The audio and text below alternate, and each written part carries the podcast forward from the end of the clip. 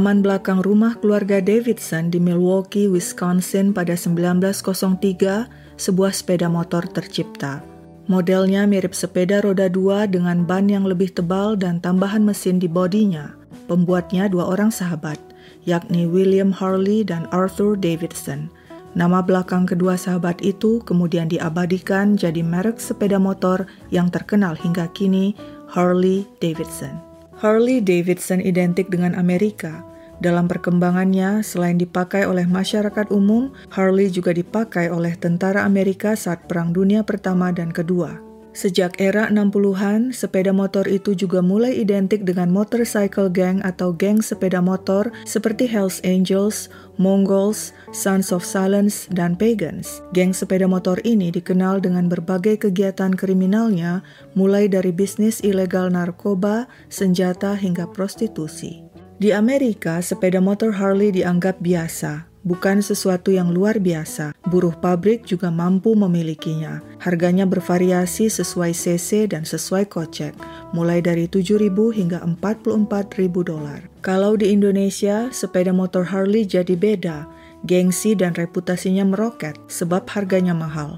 Maklumlah produk impor. Harganya bisa 3 sampai 4 kali lebih mahal dibanding di Amerika. Misalkan di Amerika harga sebuah Harley 300 juta, maka ketika masuk ke Indonesia dan dikenakan pajak bisa menjadi sekitar 1 miliar rupiah. Sebab harga mahal, akhirnya Harley pun identik dengan orang-orang kaya, seperti pejabat, pengusaha, dan selebriti.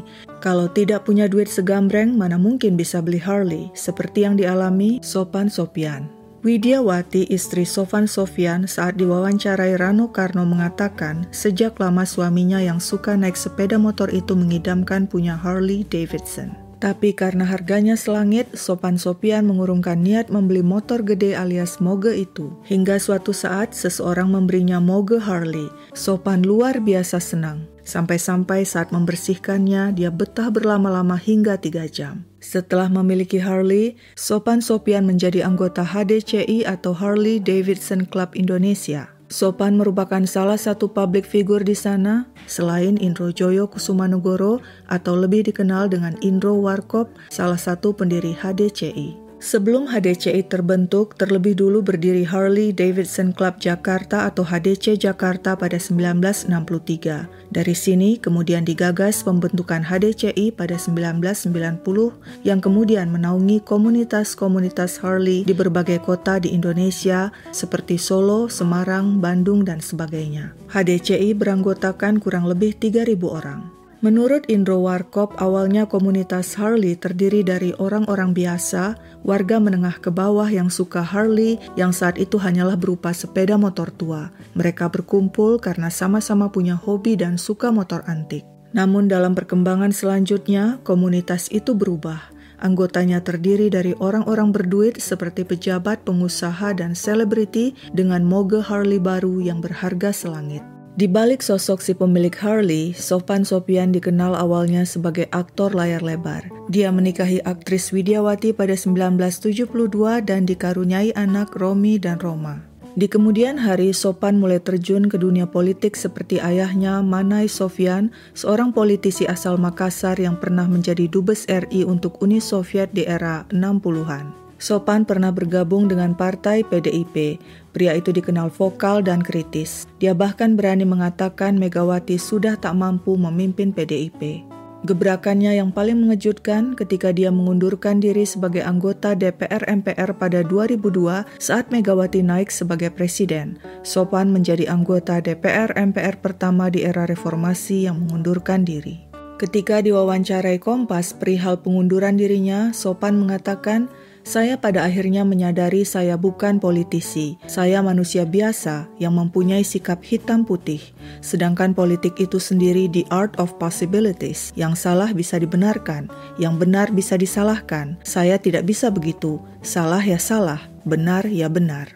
Apa saja kegiatan sopan setelah mengundurkan diri dari kehidupan politik? Yang pasti salah satunya tentu berkegiatan dengan komunitas moge Harley Davidson. Pada tahun 2008, guna memperingati seabad Hari Kebangkitan Nasional yang diketuai Hatta Rajasa yang saat itu menjabat sebagai Menteri Sekretaris Negara, komunitas Harley Davidson Indonesia ikut berpartisipasi menyemarakkan lewat sebuah konvoi. Konvoi itu dinamakan Jalur Merah Putih atau JMP. Sopan Sopian menjadi ketua event konvoi itu yang diikuti 273 sepeda motor Harley Davidson. Konvoi Jalur Merah Putih berangkat dari Jakarta 12 Mei 2008 dengan rute keliling Jawa dan melewati 18 kota persinggahan selama 9 hari. Jarak yang ditempuh kurang lebih 1.900 km. Konvoi itu rencananya akan tiba kembali di Monas, Jakarta tepat pada Hari Kebangkitan Nasional 20 Mei. Widiawati, istri Sopan juga ikut dalam rombongan. Sopan Sopian yang mengendarai moge miliknya adalah peserta dengan nomor urut 5 Hingga hari kelima, konvoi berjalan lancar. Pada hari keenam, yaitu 17 Mei 2008, konvoi melanjutkan perjalanan. Sebenarnya Sopan sempat mengeluh kelelahan. Mungkin juga sama dengan pengendara lainnya, sebab konvoi sudah memasuki hari keenam. Saat itu, Widiawati mengikuti konvoi dari belakang dengan mobil. Sekitar pukul 9.49 pagi, konvoi melintas di wilayah Ngawi, Jawa Timur menuju Sragen, Solo. Saat berada di perbatasan Ngawi-Sragen, tepatnya di kawasan hutan Widodaren, mendadak Harley milik Sopan menghantam sebuah lubang hingga oleng. Sopan jatuh bersama Harley. Peserta lain yang berada di belakang Sopan terkejut dan segera menghentikan Harley mereka. Atin, seorang peserta wanita yang berada di belakang Sopan, segera menghampiri pria itu. Sopan dalam posisi tertelungkup dan tidak sadarkan diri. Saat kejadian, Sopan masih hidup. Namun 10 menit saat tim kesehatan yang mengikuti konvoi membawa Sopan ke RSUD Sragen dengan ambulans, Sopan Sopian meninggal dunia. Jenazah segera dibawa ke ruang pemeriksaan untuk divisum. Widiawati sang istri tentu saja shock. Dia tak menyangka kecelakaan itu telah merenggut nyawa suaminya. Dengan kondisi duka mendalam, Widiawati yang mengiringi jenazah harus didorong dengan menggunakan kursi roda. Sementara itu hasil visum menunjukkan almarhum Sopan mengalami memar pada dada yang mengakibatkan luka dalam. Selain itu almarhum juga mengalami patah tulang di bagian paha kanan dan kiri, lengan atas dan bawah, serta tungkai bawah dan rusuk. Kepolisian Ngawi menyatakan Sopan Sopian meninggal akibat kecelakaan tunggal. Sepeda motornya menabrak lubang hingga oleng dan terjatuh. Roda kendaraan terprosok di lubang sepanjang 5 meter dengan kedalaman 20 cm. Diduga Sopan tak mampu mengendalikan kendaraannya, terlebih jalan di lokasi itu menikung. Akibatnya Sopan terjungkal dan terseret moge ke kiri jalan hingga 25 meter. Untuk sementara, tak ada masalah. Pernyataan itu diterima. Sopan Sopian meninggal akibat kecelakaan tunggal. Case closed. Usai divisum, jenazah Sopan dibawa dengan ambulans ke Bandara Adi Sumarmo Solo dan diterbangkan menuju rumah duka di kawasan Bintaro Jaya, Jakarta. Turut melayat Presiden Bambang Yudhoyono dan Ibu Ani. Hari itu juga 18 Mei 2008, Sopan Sopian dimakamkan di TPU Tanah Kusir. Waktu pun bergulir. Ternyata masalah kecelakaan yang menimpa almarhum Sopan Sopian belum selesai. Setelah melihat lebih lanjut hasil visum, Widiawati mempertanyakan benarkah insiden yang menimpa suaminya murni kecelakaan atau ada penyebab lain. Hasil visum termasuk ronsen menunjukkan begitu banyak tulang patah di tubuh Sopan. Sepertinya mustahil seseorang yang terjatuh dari sepeda motor mengalami kondisi sedemikian buruk. Di luaran pun berkembang versi serupa, termasuk yang dimuat di media. Jika sepeda motor Sopan masuk ke dalam lubang dan Sopan terpelanting, mengapa yang bersangkutan sampai mengalami luka parah dan meninggal dunia? Hal itu diperkuat oleh pernyataan dua orang saksi. Saksi pertama Marjoko, seorang warga Ngawi, mengaku kepada media menyaksikan Sopan Sopian jatuh dari mogenya. Setelah jatuh, Sopan ditabrak dan dilindas oleh peserta konvoi di belakangnya. Saksi kedua Atin, seorang wanita pengendara moge yang berada di belakang Sopan. Saat jatuh, dia melihat Sopan dilindas dua peserta konvoi. Kedua peserta konvoi itu adalah mantan Kapolri Jenderal Purnawirawan Rus dan Marsekal Muda Purnawirawan Peter. Mestinya penyebab pasti kematian Sopan bisa diperoleh seandainya jasadnya diotopsi, tapi sayangnya jasadnya hanya divisum dan keesokan hari langsung dikuburkan. Tim dokter yang menangani jenazah Sofan, Dr. Iman Fadli dari RSUD Sragen tidak bisa memastikan apakah Sopan ditabrak oleh pengemudi boge lainnya atau tidak. Kalau melihat dari lukanya, saya tidak bisa memastikan itu, begitu kata sang dokter. Beberapa media menyayangkan pihak kepolisian buru-buru memutuskan penyebab kematian Sopan adalah kecelakaan tunggal tanpa terlebih dulu melakukan investigasi menyeluruh. Menanggapi tuduhan tersebut, sebagian peserta konvoi jalur merah putih membantah. Mereka mengatakan tidak ada yang menabrak dan melindas Sopan.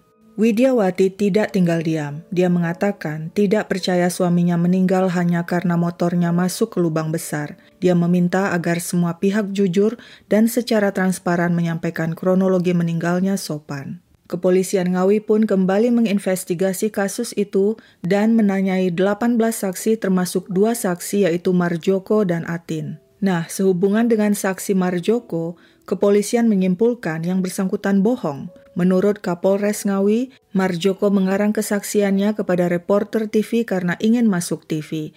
Bahkan menurut Kapolres, kemudian ketahuan saat kecelakaan terjadi Marjoko berada di pasar burung yang berjarak satu kilometer dari TKP. Ketika mendengar ada kecelakaan, Marjoko langsung menuju TKP. Saat itulah seorang reporter mewawancarainya dan Marjoko mengarang cerita. Isu semakin memanas. Mantan Kapolri Jenderal Purnawirawan Rus dan Marsekal Muda Purnawirawan Peter tidak menerima tuduhan yang dilayangkan kepada mereka. Peter melalui kuasa hukumnya membantah pernyataan saksi Atin. Peter tidak pernah dengan sengaja maupun tidak sengaja menyenggol Sopan. Pihaknya sudah dua kali melayangkan somasi kepada Atin sebab yang bersangkutan telah berspekulasi dan menyebarkan isu dan melakukan pencemaran nama baik. Pada konferensi pers bulan September 2008, Rus dan Peter menyampaikan kesaksian seperti yang dimuat di detik.com. Mantan Kapolri Jenderal Purnawirawan Rus mengatakan, Waktu itu saya berada di rombongan VIP. Di belakang Pak Sopan ada Peter. Saya berada di belakang Pak Peter. Saat kejadian, saya hanya melihat pas turun jembatan ada belokan, terus ada lubang sedalam 20 cm. Pada saat kejadian, kita tidak tahu soalnya pas disurvei oleh tim di situ ada lubang, tapi tidak kelihatan karena tertutup jembatan. Waktu itu saya memotong jalur kanan atau menghindari lubang dan melihat almarhum tertelungkup. Motor saya rusak standarnya karena masuk lubang. Pada waktu itu, almarhum dalam kondisi pingsan saat Peter berupaya menolong. Saya juga bergegas menyimpan motor saya dan mendekati almarhum. Saat itu, Pak Sopan dalam kondisi pingsan. Pak Peter saat itu juga ada di samping almarhum. Sedangkan Marsekal Muda Purnawirawan Peter mengatakan hal sebagai berikut. Saat konvoi, kondisi kendaraan bermotor dalam kondisi zigzag. Saya melihat persis apa yang terjadi saat almarhum jatuh karena saya persis di belakang almarhum. Saya tidak melihat jalanan itu rusak. Saya hanya melihat pas tikungan turun ke bawah, almarhum sempat mempertahankan kestabilan motornya sebelum jatuh. Ban depan motor almarhum masuk lubang. Secara otomatis saat itu saya mengerem motor saya dan saya juga jatuh. Waktu itu kira-kira kecepatan motor saya 60 km per jam. Saya tidak menabrak kendaraan almarhum. Saya siap dimintai keterangan. Beliau sahabat saya. Saya sangat kehilangan. Tapi Widyawati tetap tidak percaya pada bantahan kedua purnawirawan itu. Menurutnya, seharusnya tidak ada yang menutup-nutupi penyebab kematian Sopan karena ditabrak sesama peserta konvoi jalur merah putih. Saya yakin semua manusia punya hati nurani. Saya mengetuk untuk siapa pun yang melihat kejadian di situ, coba bicara apa adanya, jangan mencoba menutupi, begitu kata Widyawati. Widyawati heran dengan sikap sejumlah pihak yang berusaha menutupi kejadian sebenarnya yang menyebabkan suaminya tewas. Kenapa harus ditutupi? Masalahnya apa sih? Ini menyangkut nyawa manusia. Pihak ketabrak atau ditabrak atau apa pun, kita bicara apa adanya. Perlahan pemberitaan tentang penyebab kematian Sopan Sopian pun mereda. Apa sebenarnya yang terjadi saat kecelakaan itu masih tetap menyimpan misteri bagi yang ingin menjadikannya misteri, tapi bagi sebagian lagi sudah tentu meyakini kecelakaan itu murni kecelakaan tunggal. Cara satu-satunya untuk mengetahui penyebab kematian Sopan Sopian adalah lewat otopsi. Pihak kepolisian siap melakukannya asalkan ada persetujuan dari pihak keluarga untuk membongkar makam almarhum. Sehubungan dengan hal ini, Widyawati mengatakan keberatan jika makam mendiang suaminya harus dibongkar. Widiawati mengatakan sebenarnya dirinya tidak mau melibatkan kepolisian dalam hal ini. Dia dan keluarga hanya mengharapkan kejujuran dari beberapa pihak yang menjadi saksi dalam kecelakaan maut di Ngawi itu.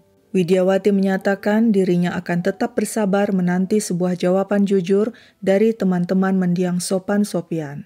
Apakah sekarang Widiawati sudah mendapatkan jawaban itu? Hanya dia yang tahu, sebab setelah itu tak ada lagi pembahasan tentang kasus itu di media. Apa pendapat kalian tentang kasus ini? Apakah kalian setuju dengan versi polisi atau versi Widiawati? Sekian dulu ceritaku, sampai jumpa di cerita lain.